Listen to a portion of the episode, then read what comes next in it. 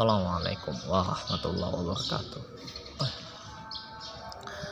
Alhamdulillah Rabbil Alamin Alhamdulillahilladzi Anzala ala abdihil kitabah Walam yaja'allahu iwajah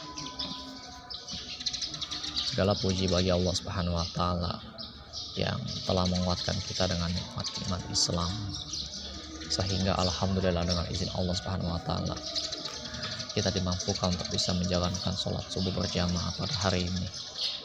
Dan Allah pertemukan kita kembali dalam taklim subuh rutin. Insya Allah semoga kita semua senantiasa istiqomah mengerjakan perintah Allah menjauhi larangannya. Dan semoga orang yang belum diberikan hidayah baik itu dari kalangan keluarga kita saudara kita sahabat-sahabat kita tetangga-tetangga kita atau mungkin orang-orang yang belum kita kenal. Allah berikan taufik agar mereka kembali ke jalan yang diridhoi oleh Allah Subhanahu wa taala. Bertobat kepada Allah Subhanahu wa taala. Amin ya rabbal alamin. Salawat serta salam semoga mari kita curahkan mari kita ucapkan kepada baginda kita Nabi besar kita Nabi Muhammad Sallallahu Alaihi Wasallam Allahumma sholli ala sayyidina Muhammad wa ala ali sayyidina Muhammad beserta para keluarganya, para sahabatnya dan orang-orang yang senantiasa berjalan istiqomah bonongan sunnah Nabi Muhammad wasallam hingga akhir hayatnya. Hari ini kita masih bersama kitab Riyadhus Shalihin karya Al-Imam An-Nawawi rahimahumullah. Semoga Allah merahmati beliau, keluarganya, orang tua beliau. Uh, para pengikut beliau murid-murid beliau guru-guru beliau dan orang-orang beliau cintai dan juga seluruh kaum muslimin di mana pun berada. Hari ini kita masih bersama bab takwa tepatnya di penghujung bab takwa yang disusun oleh Al-Imam An-Nawawi adalah hadis kelima dari Abu Umamah Syudai bin Ajlan Al-Bahili radhiyallahu anhu bahwa beliau mendengarkan Rasulullah SAW berkhutbah pada haji wada. Nah, waktu itu Rasulullah SAW bersabda, Ittaqullah wa sallu khamsakum wa sumu syahrakum wa addu zakata amwal amwalikum wa ati'u amarakum tadkhulu jannata rabbikum bertakwalah kepada Allah. Jalankan perintah yang Allah perintahkan dan jauhi apa yang Allah larang. Tunaikanlah sholat lima waktu. Berpuasalah pada bulan Ramadan kalian. Bayarkanlah zakat harta kalian dan taatilah para pemimpin kalian maka kalian pasti masuk surga Rob kalian. Itu pesan khutbah yang di dirawikan yang diriwayatkan oleh Abu Umamah Syudai bin Ajlan Al-Bahili radhiyallahu anhu. Dan ini diriwayatkan oleh At-Tirmizi di akhir kitab sholat. Nah hadisnya Hasan Sohih sesuai penjelasan dari Syekh Muhammad Nasruddin Al-Albani yang mentakhrij dan mentarji dan juga mensyarah kitab Riyadhus Shalihin ini.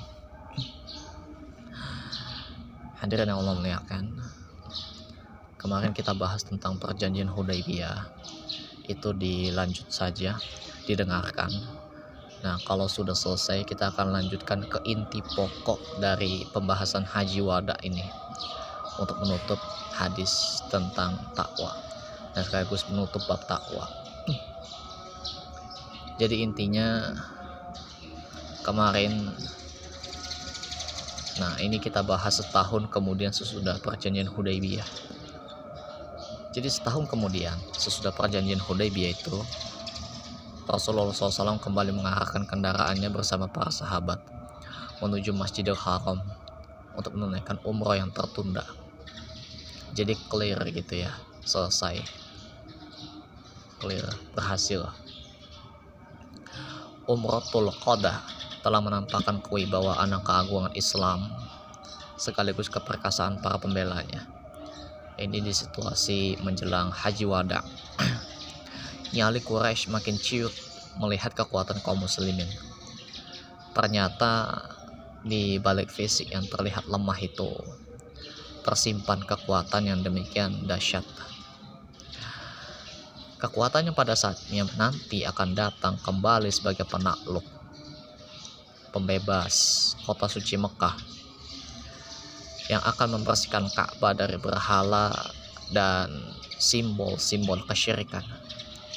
Itulah kekuatan yang bersumber dari hati yang terisi iman yang murni. Kekuatan itulah yang melulu lantakan kesombongan jahiliyah di dada masyarakat Quraisy dan orang-orang Arab sekitar mereka. Kekuatan itu pula yang menaklukkan sepertiga belahan bumi ini. Masya Allah. Nah, nanti bisa dicek ulang dalam rekaman sebelumnya tentang perjanjian Hudaybiyah kemarin ya isinya seperti apa asal usulnya bagaimana walaupun agak terpotong-potong nggak tuntas namun bisa juga dicari di suatu artikel tertentu atau dalam sebuah, sebuah kitab kita lanjut dengan mempersingkat waktu sesudah itu 10.000 orang tentara Allah Subhanahu wa taala datang ke Mekah untuk membersihkan Baitullah dari berbagai berhala dan tempat pemujaan di sekelilingnya. Fathu Mekah. Nah, benar-benar kemenangan yang agung. Fathu Mekah. Kita kenal dengan Fathu Mekah. Ada berbagai berhala di sana di waktu itu di Mekah. Dan itu dihancurkan. Dibersihkan. Ditiadakan. Fathu Mekah.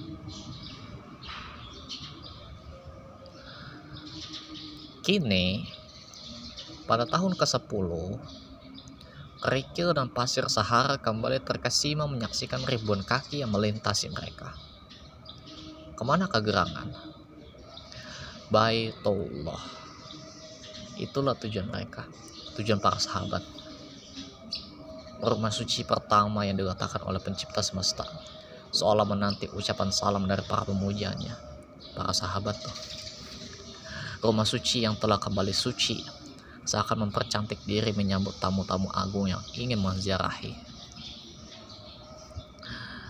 Di tengah suasana yang syahdu, tenang gitu ya. Enjoy. Tiba-tiba suara tangis bayi membuyarkan lamunan. Mereka sudah tiba di Zul. Asma binti Umais, Umair, istri Abu Bakar Siddiq radhiyallahu anhu kita kenal ya insya Allah melahirkan seorang putra yang diberi nama Muhammad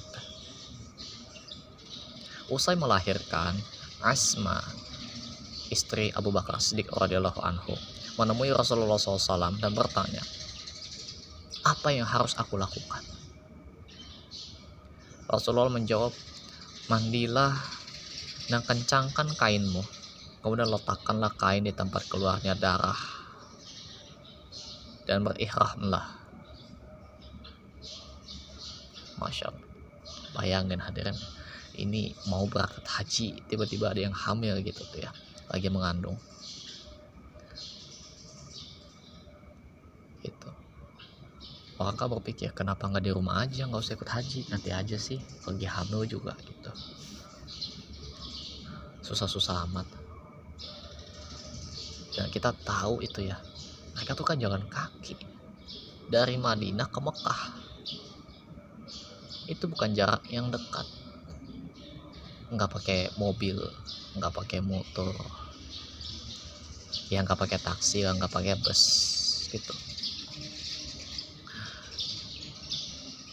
Apalagi kita tahu zaman sekarang mah jalannya kan walaupun dibagusin juga berliku-liku gitu. Nggak lurus lempeng gitu aja. Jauh. Itu jalan kaki itu pun zaman mereka zaman para sahabat. Nggak ada AC nggak bisa berteduh itu jalan sambil menanggung janin yang sudah membesar. Lihat bagaimana ketakwaan Asma binti Umair. Sampai melahirkan tuh di waktu mau berangkat haji tuh.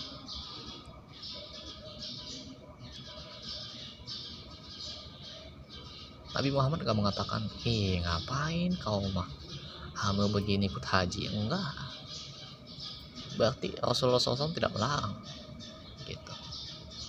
Walaupun ini sesuai kemampuan ya. Sesuai kemampuan. Dan kita tanyakan aja secara fikih tentang orang wanita yang hamil bisa tidak ikut haji atau umroh dan seterusnya gitu. Kita lanjut. Di situlah di Zul Khulaifah setelah mereka bermalam Rasulullah SAW mulai berihram dan diikuti oleh seluruh kaum muslimin. Nah usai mengerjakan sholat zuhur dua sholat zuhur 4 rakaat. Ah, tunggu mohon maaf. Ini sepertinya ada kesalahan penulisan. Usai mengerjakan sholat subuh dua rakaat beliau bertalbiyah untuk haji dan umrohnya di tempat beliau sholat setelah itu beliau menaiki untanya dan terus bertalbiyah sampai tiba di Al-Baidah.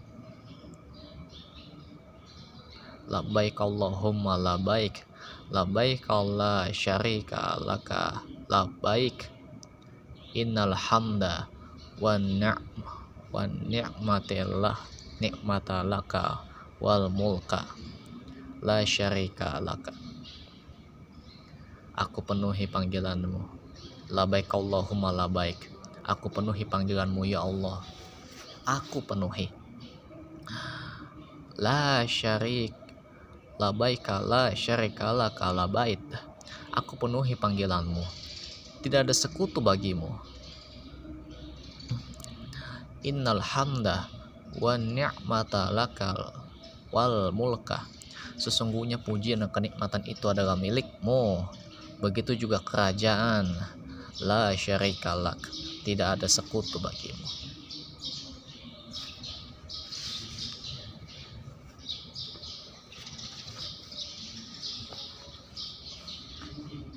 talbiyah. Di musim haji itulah Rasulullah SAW memberikan pilihan kepada para sahabat dan kaum muslimin seluruhnya sampai hari kiamat mengenai pelaksanaan manasik haji untuk mereka yaitu tamatu kairon atau ifrat. Dan ini tidak dimengerti oleh yang berbicara. Nanti tanyakan apa itu tamatu kairon atau ifrat. Kita lanjut. 6 mil dari Mekah. Di Sarif Rasulullah SAW mengumumkan kepada para sahabatnya siapa yang tidak membawa hadiu hadiu atau hewan kurban dan ingin menjadikannya umroh silakan akan tetapi, siapa yang membawa hadiu, jangan lakukan.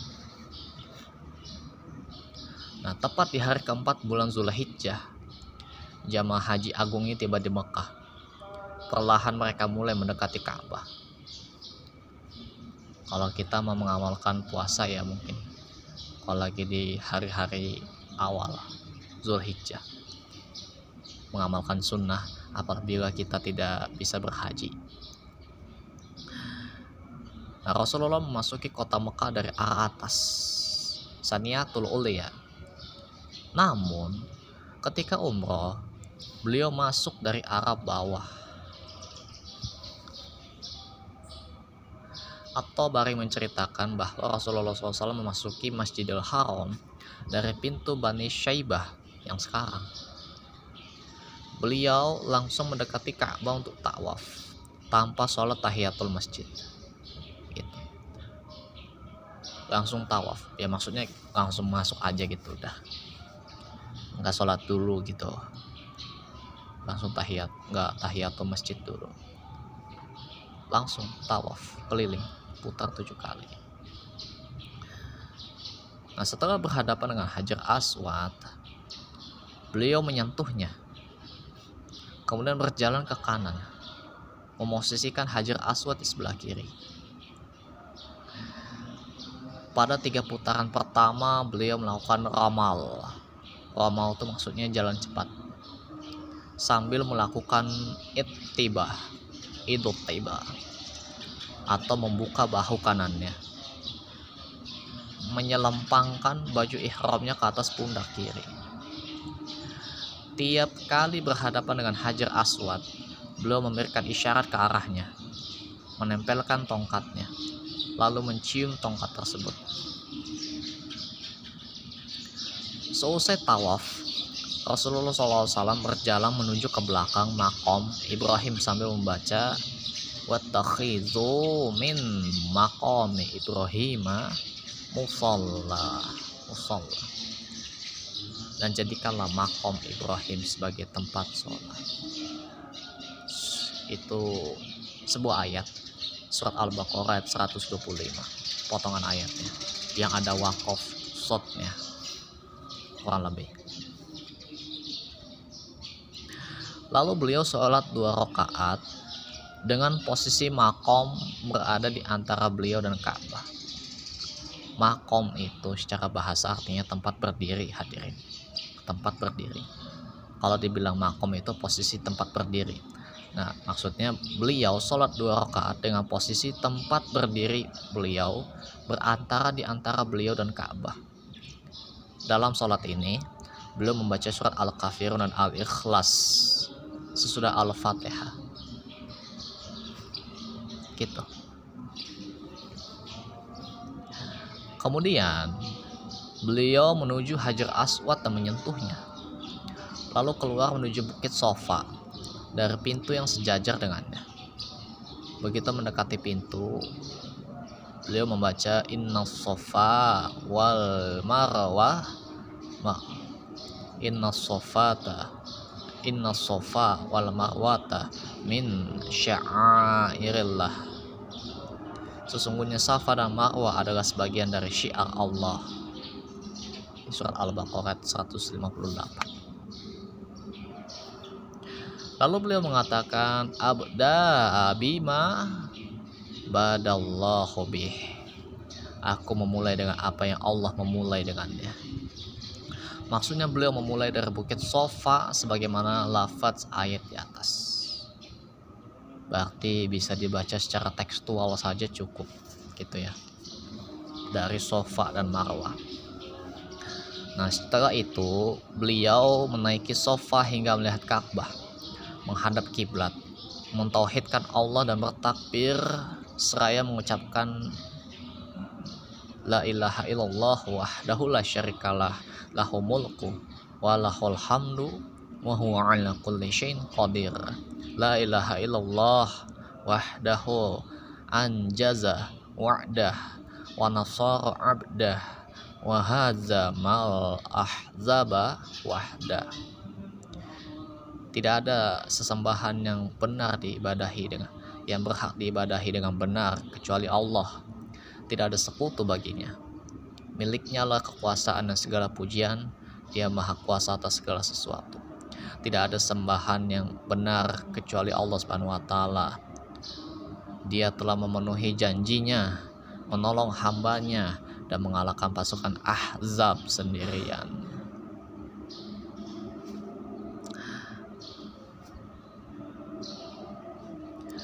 Lalu beliau, Nabi SAW, berdoa di antara bacaan itu dan mengucapkan kalimat itu tiga kali. Itu diulang-ulang. Nah setelah itu beliau turun menuju Marwah hingga ketika kedua kaki beliau sudah menginjak perut lembah. Kok yang kalau sekarang menurut pengalaman yang sudah haji diberi tanda hijau tuh di sana perut lembahnya itu. Nah beliau melakukan sa'i. Nah, sa'i ini bukan lari-lari kecil sebetulnya artinya ya. Sa'i itu usaha. Usaha. Kata sa'i ini emang ada di surat An-Najm ayat 39 wa an laisa li insani illa masa'a. Nah masa'a ini kalau di ambil dari segi kalimat awal itu asa sa'i. Yang artinya usaha yang serius. Ketika sudah naik nah untuk naik ke sana itu kan perlu keseriusan. Kalau nggak serius ya nggak akan selesai nggak akan naik gitu ya. Makanya disebutnya sa'i makanya ketika diberi tanda hijau perut lembah itu artinya kan tandanya udah mau naik tuh. Berarti ya sa'i usahalah usaha biar bisa naik gitu. Beliau berjalan sampai tiba di Marwah lalu mengerjakan amalan sebagaimana yang beliau lakukan di atas bukit sofa nah selesai sa'i beliau berkata orang-orang yang tidak membawa hadiu boleh melepas pakaian ihramnya atau tahalul gitu itu tanggal 4 Zulhijjah. Lalu pada tanggal 8 Zulhijjah, pada hari Tarwiyah, Rasulullah SAW dan rombongan menuju Mina. Setibanya di Mina, beliau berdiam kemudian melaksanakan sholat zuhur, asar, maghrib, isya, dan subuh di sana.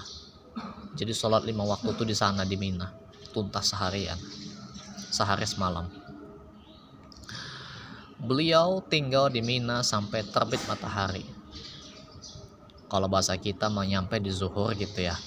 Nanti habis subuh nunggu terbit matahari syuruk gitu ya. Nah udah syuruk selesai sholat syuruk misalnya lalu bertolak menuju Arafah. Nah di Arafah beliau mendapati sebuah tenda sudah dibuat untuk beliau di Namiroh. Namiroh itu sebuah daerah di Arafah. Nah beliau pun singgah di sana. Nah, ketika matahari sudah condong ke barat, beliau mindah minta dibawakan al-qaswah unta beliau. Nah, kemudian beliau menuju perut lembah dan berkhotbah di hadapan kaum muslimin. Dan ini yang akan disebutkan dalam sebuah, sebuah hadis. Itu ceritanya. Ribuan manusia yang satu hati dan satu tujuan Semuanya mengagungkan pencipta mereka yang Maha Esa. Semua tunduk melantunkan talbiyah tauhid. Hilang sudah kesombongan jahiliyah. Di sanalah beliau memulai khotbahnya yang agung. Pesan-pesan terakhir yang seolah mengisyaratkan bahwa itulah penutup dari rangkaian perjalanan risalah Allah Subhanahu wa taala yang Maha Pengasih lagi Maha Penyayang kepada hambanya ini yang beliau emban lebih dari 20 tahun atau tepatnya 23 tahun. Dan ini berarti tahun ke-10 Hijriah dan memang di, dibedakan jadi dua periode. 13 tahun di Mekah dan 10 tahun di Madinah. Dan sebagian ulama berpendapat bahwa tahun hijrah itu dimulai dari pada saat Rasulullah hijrah ke Madinah. Berarti dihitung sampai 10 tahun aja yang 13 tahun itu sebelum hijrah begitu Nah, setelah muji Allah Subhanahu wa taala, alhamdulillah rabbil alamin, mengucapkan syahadatain asyhadu alla ilaha illallah dan seterusnya, Rasulullah SAW menyampaikan pesan-pesannya. Dan itu yang akan disampaikan oleh sebuah hadis. Tapi ini kisah lengkapnya. Amma ba'du. Ya Yohanes, wahai sekalian manusia, aku tidak tahu apakah masih akan bertemu kembali dengan kalian sesudah haji tahun ini di tempat ini, ataukah tidak. Bayangin di awal. Aku tidak tahu apakah masih akan bertemu kembali dengan kalian sesudah haji tahun ini tempat ini atau tidak. Hening para sahabat terpaku di bawah langit nan biru ketika mereka merasakan bahagia. Rasulullah SAW justru mengisyaratkan perpisahan. Wahai sekalian manusia, hari apakah ini? Bulan apakah ini? Setiap kali beliau bertanya, para sahabat terdiam. Dan itu adab kepada Nabi SAW dan itu juga adab kepada sunnah Nabi SAW apabila dibahas.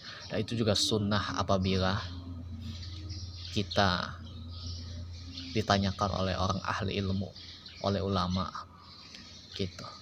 Jangan merasa lebih tahu lah itu mungkin Rasulullah SAW ingin memberikan nama yang baru. Itu gumam para sahabat tuh pada saat tertiap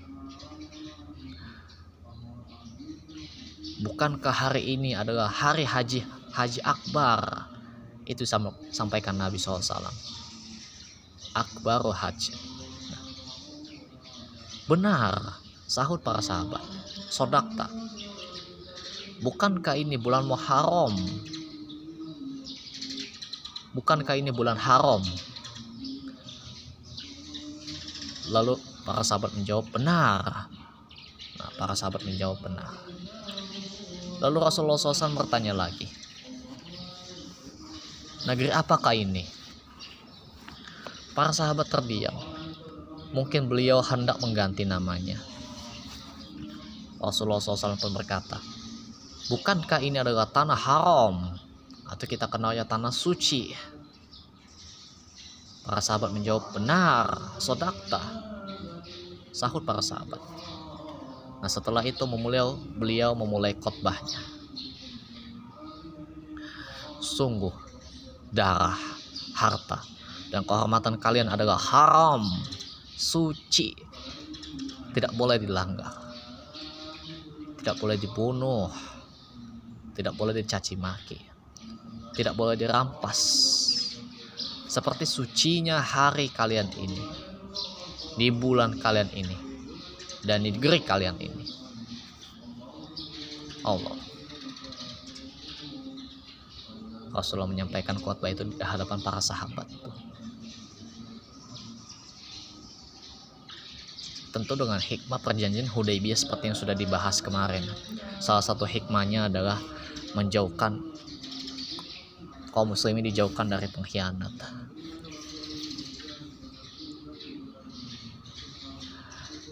Janganlah kalian kembali menjadi orang-orang yang kafir sepeninggalku, yang saling membunuh satu dengan yang lain.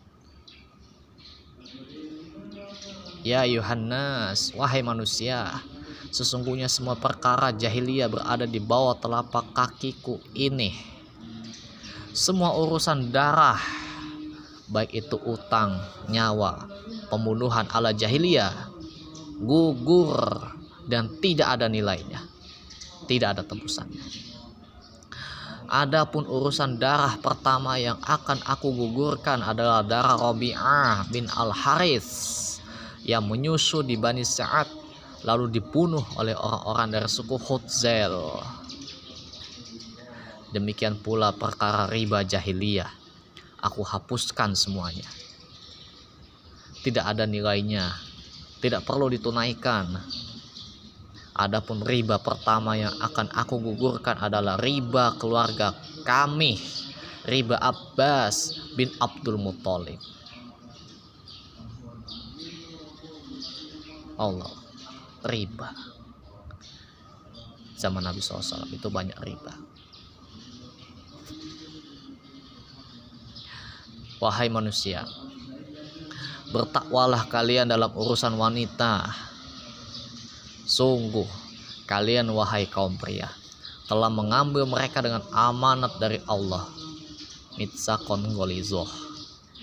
Kalian telah menjadikan kehormatan, kemaluan mereka halal dengan kalimat Allah. Kalian mempunyai hak yang wajib dipenuhi oleh para istri Salah satu di antara hak kalian adalah mereka tidak boleh mengizinkan siapa saja yang tidak kalian senangi untuk menginjakan kaki di permadani atau lantai rumah kalian. Kalau mereka melanggarnya, pukullah mereka dengan pukulan yang tidak melukai. Dalam satu riwayat secara fikih, pakai siwak satu jadi bukan asal melukai dengan barang yang keras dan menyakitkan. Tapi tanyakan dulu ke ahli ilmu mengenai cerita ini. Apa maksud pukul dengan pukul yang tidak melukai? Istri-istri kalian juga mempunyai hak yang wajib kalian penuhi, yaitu menerima pakaian dan rezeki yang layak Wahai manusia, aku telah meninggalkan sesuatu untuk kalian yang kalian tidak akan tersesat selama kalian berpegang teguh padanya. Yakni kitabullah wa sunnatul rasul. Yaitu kitabullah dan sunnah Rasulullah SAW kalian semua pun akan ditanya tentangku. Maka apa jawaban kalian? Para sahabat serempak menjawab setelah beberapa saat terpanah mendengar khotbah beliau kami bersaksi bahwa anda telah menyampaikan risalah, menunaikan amanat, dan memberikan nasihat. Mendengar jawaban mereka, Rasulullah SAW mengangkat telunjuknya ke langit, lalu mengarahkannya ke arah ribuan jamaah haji yang mulia itu sambil berkata, Ya Allah, saksikanlah tiga kali. Tiga kali Rasulullah mengatakan, Ya Allah saksikanlah, Allahumma ya syahidah, Allahumma syahidah. Allahumma syahidah. Ya Allah saksikanlah. Ya Allah saksikanlah. Ya Allah saksikanlah.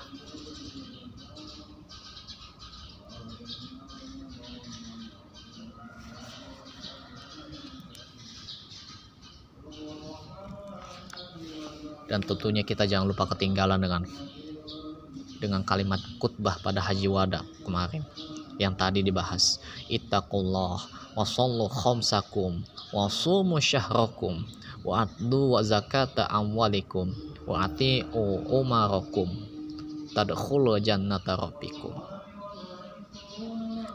Itu hadisnya. Nah selepas khotbah tersebut Bilal pun mengumandangkan azan dan iqamat lalu menegakkan sholat zuhur setelah itu lalu dia mengumandangkan iqamat kembali untuk kemudian melaksanakan sholat asar Rasulullah SAW tidak melakukan sholat apa pun di antara keduanya.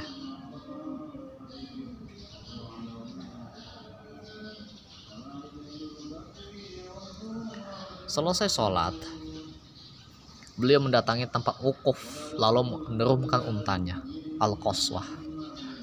Lalu beliau duduk di atas Sahara sambil menghadap kiblat. Lalu mulai berdoa. Rasulullah bersabda, sebaik-baik doa adalah doa pada hari Arafah. Beliau Nabi SAW tetap melakukan ukuf sampai matahari benar-benar terbenam. Beliau sholat, beliau mengencangkan tali kekang Al-Qaswah dan bertolak menuju Musdalifah. Lalu Rasulullah menundukkan kepalanya hingga menyentuh pelana di atas kendaraannya. Sembari berkata dengan isyarat tangan kanannya, Wahai manusia, perlahan-lahanlah perlahan-lahanlah. Sesampainya di Muzdalifah, beliau mengerjakan sholat maghrib dan isya dengan satu azan dan dua ikomat, tanpa sholat sunnah di antara keduanya. Kemudian beliau berbaring sampai terbit fajar dan mengerjakan sholat subuh fajar ketika telah tiba waktunya dengan satu satu azan dan ikomat.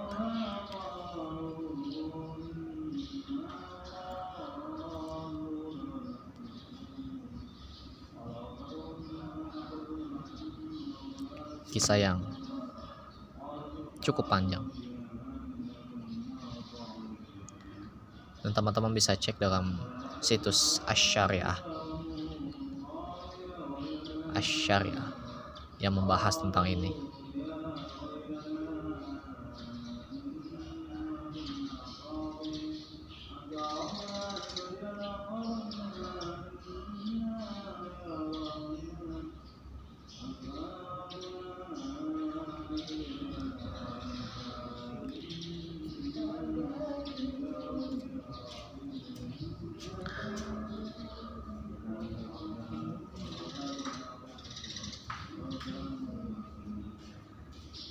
itulah sebagian khotbah beliau yang tadi disampaikan yang seolah memberikan isyarat bahwa usia beliau yang penuh berkah akan segera berakhir. Pertemuan dan kebersamaan akan usai. Nabi SAW pun bersiap-siap menjumpai kekasihnya, yaitu Allah Subhanahu wa Ta'ala. Tuntas sudah semua yang terkait dengan ibadah haji sebagai rukun Islam yang terakhir, yang kelima, telah beliau ajarkan baik melalui ucapan maupun perbuatan. Tidak hanya itu, seluruh ajaran Islam yang tersusun secara terpola pattern yang terpola dari dasar sampai expert mulai dari akidah yang paling dasar tentang keimanan kepada Allah dan urusan gaib ibadah akhlak muamalah baik terkait dengan individu maupun kenegaraan telah beliau ajarkan dan ini penting buat kita pelajari rukun Islam itu secara berurutan. Tidak bisa loncat. Ada yang belum beres di bagian rukun syahadatnya. Rukun Islam pertama bereskan dulu. Dan itu membahas tentang tauhid. Kita kalau nggak bahas tauhid nggak mendalami tauhid kita mengerjakan sholat zakat puasa itu masih amburadul.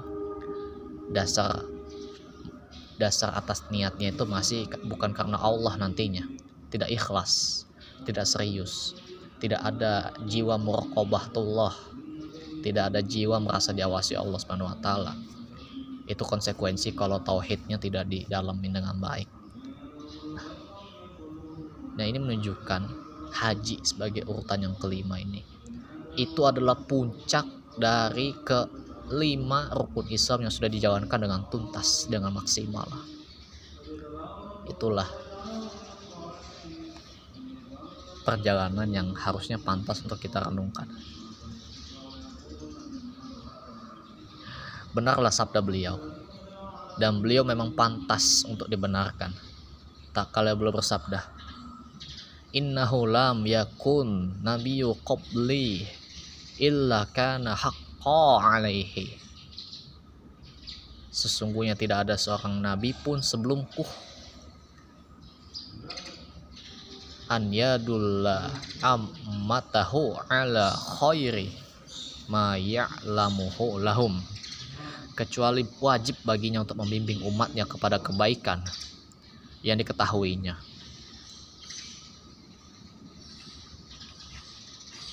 Wayam wayum zirohum syahro ma ya'lamuhu lahum. Dan melarang mereka dari kejahatan yang diketahuinya. Kebaikan yang paling utama yang beliau perintahkan adalah tauhid, yaitu menyerahkan seluruh ibadah, baik itu berdoa, meminta syafaat, istighosa, dan sebagainya hanya kepada Allah Subhanahu wa taala. Makanya sampai 13 tahun Rasulullah SAW mendakwakan tauhid di Mekah. Tidak ada perintah sholat, tidak ada perintah zakat, tidak ada perintah puasa, apalagi haji. Haji baru di tahun ke-10 Hijriah tersebut. Dan bahkan diriwayatkan Rasulullah SAW hanya haji satu kali di haji wada tersebut. Dan umroh sebanyak tiga kali dalam suatu kisah. Itu kalau tidak salah. Nanti cek riwayat dalam Syirah Nabawi Syirah Nabawi. Ini penting. Kebaikan yang paling utama yang beliau perintahkan adalah tauhid suka atau tidak suka. Tidak seperti sekarang yang membahas kebanyakan fadilah amal. Fadilah tentang suatu amalan.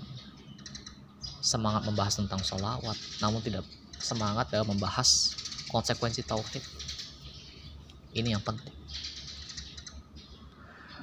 Karena kejahatan terbesar yang beliau larang itu bukan nggak sholatnya tapi syirik yaitu menyekutukan Allah Subhanahu wa taala dalam hal-hal yang khusus bagi Allah seperti syirik dalam rububiyah yaitu meyakini adanya kekuatan selain Allah yang mengatur alam semesta ini.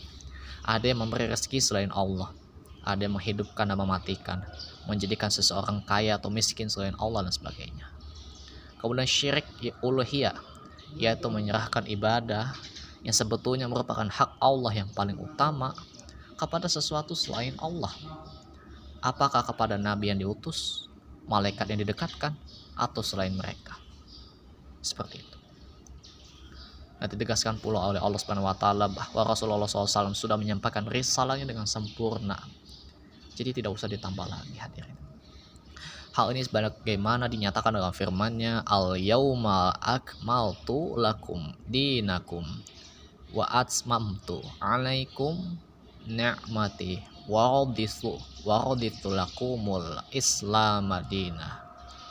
Surat Al-Maidah ayat 3 pada hari ini telah aku sempurnakan agamamu untukmu dan telah aku cukupkan nikmatku bagimu. dan telah kuridhoi Islam sebagai agama. Oleh sebab itu tidak ada satupun urusan agama ini yang cacat sehingga harus ditambah atau berlebih sehingga perlu dikurangi. Ayat ini turun saat Rasulullah SAW masih hidup, bahkan belum beranjak meninggalkan tanah suci Mekah setelah menunaikan ibadah hajinya. Artinya masih ada kemungkinan yang akan terjadi perubahan dalam syariat Islam yang beliau bawa. Namun ternyata tidak ada perubahan apa pun. Walillahilhamdu. Ayat 3 itu surat Al-Maidah itu ayat terakhir yang turun. Ayat terakhir yang turun. Bukan surat An-Nas. Bukan surat An-Nas. Itu surat penegas. Surat Al-Maidah ayat 3. Nah, ayat ini adalah dalil pertama yang harus dihadapkan kepada para pengusung kebatilan. Siapa pun dia, di mana saja dan kapan saja. Maka dari itu, sesuatu yang pada masa Rasulullah SAW bukan merupakan ajaran Islam, pada zaman ini dan seterusnya pun juga bukan bagian dari Islam. Siapa yang mengada-ngadakan perkara baru dalam agama ini, berarti dia telah menuduh Muhammad SAW telah mengkhianati risalah yang diberikan Allah Subhanahu wa taala kepadanya. Itu perkataan dari Al-Imam Malik dalam kitab Al-Muwatta. Nah, agaknya Rasulullah SAW pun sudah menyadari bahwa ajalnya sudah dekat. Beberapa bulan sebelumnya ketika mengutus Muaz ke Yaman, beliau berpesan, "Wahai Muaz, Mungkin engkau tidak lagi menjumpaiku sesudah ini.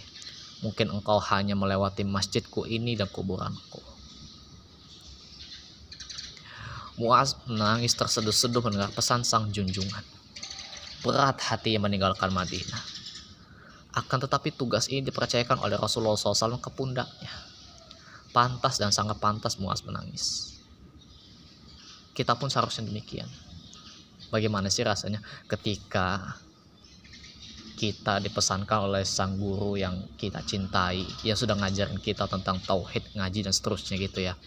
Tiba-tiba beliau ngasih pesan ke kita ya udah kamu ke sana berangkat silaturahmilah sama para jamaah di kota tersebut. Lalu beliau mengatakan nah mungkin besok kita akan ketemu lagi nih setelah situnya ke sana. Gimana sih rasanya gitu ya? Yang hubungan santri dengan ustadznya sudah kuat. Terutama para santriwati-santriwati yang tentunya kalau sudah diajarin ngaji dari detail sama ustadz ustazannya ketika ustazannya sudah nikah dan nggak bisa lagi melanjutkan gitu. Itu gimana sih rasanya? Agak ya agak susah untuk dijelaskan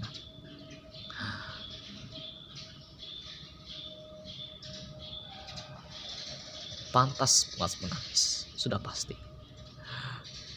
Tidak ada kesedihan yang lebih berat daripada berpisah dengan Rasulullah SAW di dunia. Apalagi di akhirat. Nauzubillah min. Setelah menunaikan tawaf wada, Rasulullah bersama kaum muslimin bersiap menuju Madinah. Istirahat bukan, melainkan melanjutkan jihad di jalan Allah Subhanahu wa.